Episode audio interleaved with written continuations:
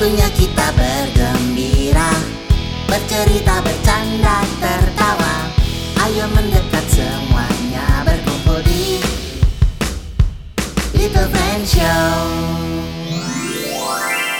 Selamat datang lagi di Little Friend Show. Hey, ketemu lagi sama Om Sogi. Ada Tante Liza juga. Dan juga ada Om Gibi pastinya. Terima kasih ya Little Friends ya sudah selalu mendengarkan Little Friends Show. Iya. Terima kasih ya sudah follow Spotify-nya Little Friend Show dan sudah menyalakan loncengnya. Jangan lupa follow Instagram kami juga ya Little Friend Show. Yes, nah di episode hari ini ada Om Niko. Om Niko ini mau cerita tentang profesinya. Oh. Om Niko ini profesinya apa tante? Profesinya adalah arsitek. Arsitek. Iya. Apakah yang suka bikin mie tek-tek? Bukan dong Om.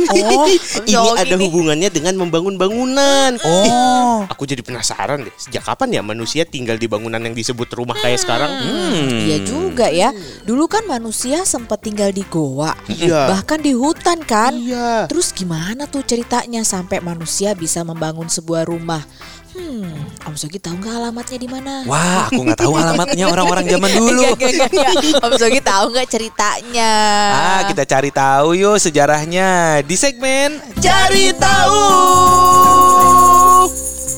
Nah, jadi gimana sih Om sejarah rumah manusia itu? Nih, dari yang aku baca ya, Om Gibi, Tante Lisa Little Friends, jadi di zaman dulu.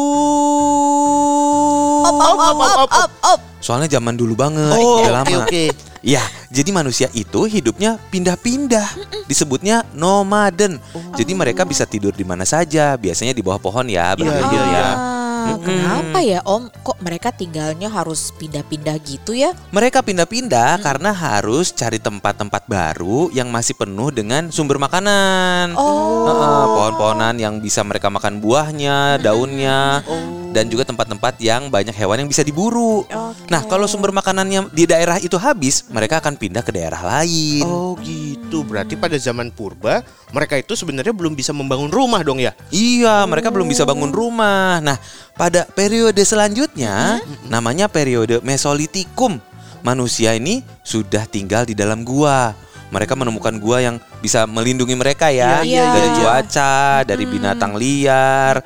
Tapi mereka masih tetap nih bergantung pada sumber makanan di daerah tersebut. Oke. Di gua itu biasanya yang tinggal yang perempuan, yang laki-laki mencari makanan-makanan Oh, tuh di luar. berburu gitu ya. Betul. Nah, terus kapan dong ya si mereka ini nih Om mulai bisa bangun rumah? Nah, mereka membangun rumah di zaman Neolitikum. Neolitikum. Di zaman ini, manusia itu tidak perlu pindah-pindah lagi Oh. karena sudah bisa bercocok tanam dan beternak secara sederhana. Jadi mereka, ah karena kita nggak pindah-pindah, kita harus bikin tempat tinggal di sini gitu. Akhirnya mereka membangun rumah sederhana yang temboknya terbuat dari lumpur untuk merekatkan batu-batu. Oh, iya iya iya. Ditambah lagi dengan kayu-kayu untuk membentuk bangunannya. Misalnya atapnya. Oh gitu. Ih berarti masih sederhana banget ya Om ya rumahnya ya. Beda banget nih sama zaman sekarang. Nah tapi kalau perkembangannya gimana tuh Om? Sampai bisa rumah yang kayak sekarang. Nah, lalu masuklah ke zaman modern. Ada juga yang bilang zaman industrialisasi. Iya, iya, iya, Heeh, berkembang tuh teknologinya, rumah-rumah jadi semakin kokoh dan mudah dibangun karena ada semen, Oh, ada iya. batu bata untuk membangun rumah, ditambah lagi besi dan baja yang bisa membuat bangunan semakin kuat dan bangunannya bisa makin tinggi tuh. Bisa berlantai-lantai ke atas. Iya, betul.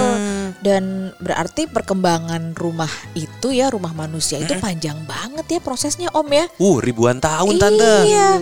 Wah, terima kasih ya Om Sogi informasinya. Iya. Nah, sekarang langsung aja kita dengerin sama-sama nih ceritanya Om Niko yang berprofesi sebagai arsitek di Ingin begini, ingin begitu.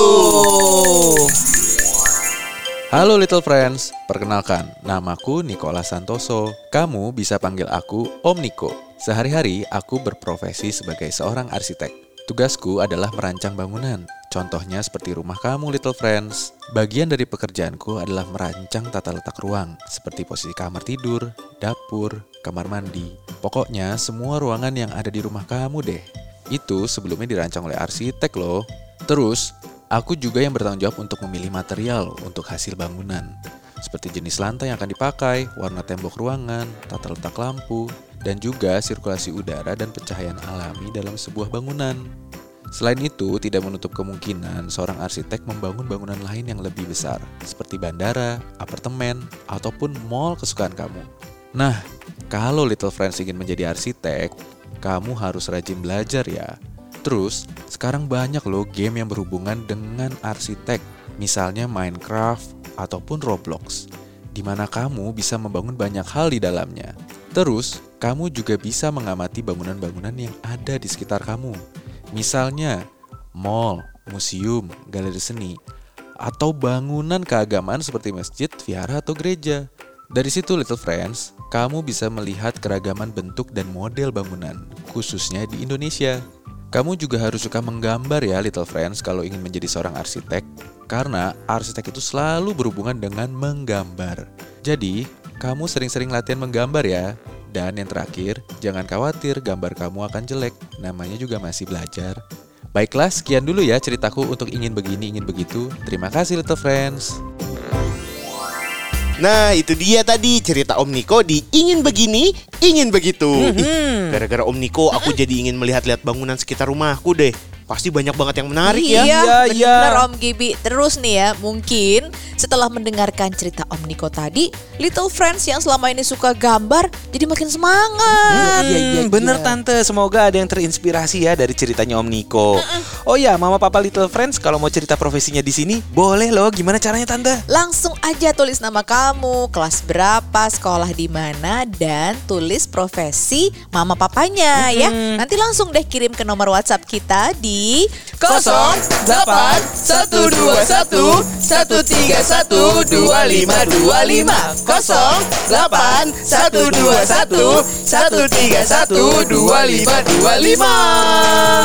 Oh iya, kalau Little Friends mau nanya juga boleh. Bisa berbentuk teks atau boleh juga berbentuk voice notes. Hmm, boleh, boleh, boleh. Mau ngajak main polisi numpang tanya boleh. Boleh. Main ABC 5 dasar boleh. Boleh. Kasih tebak-tebakan juga boleh. Boleh. Ditunggu ya Little Friends. Baiklah, terima kasih sudah mendengarkan. Sampai jumpa lagi di episode berikutnya di di Little Friend Show. Bye bye. Little Friend Show.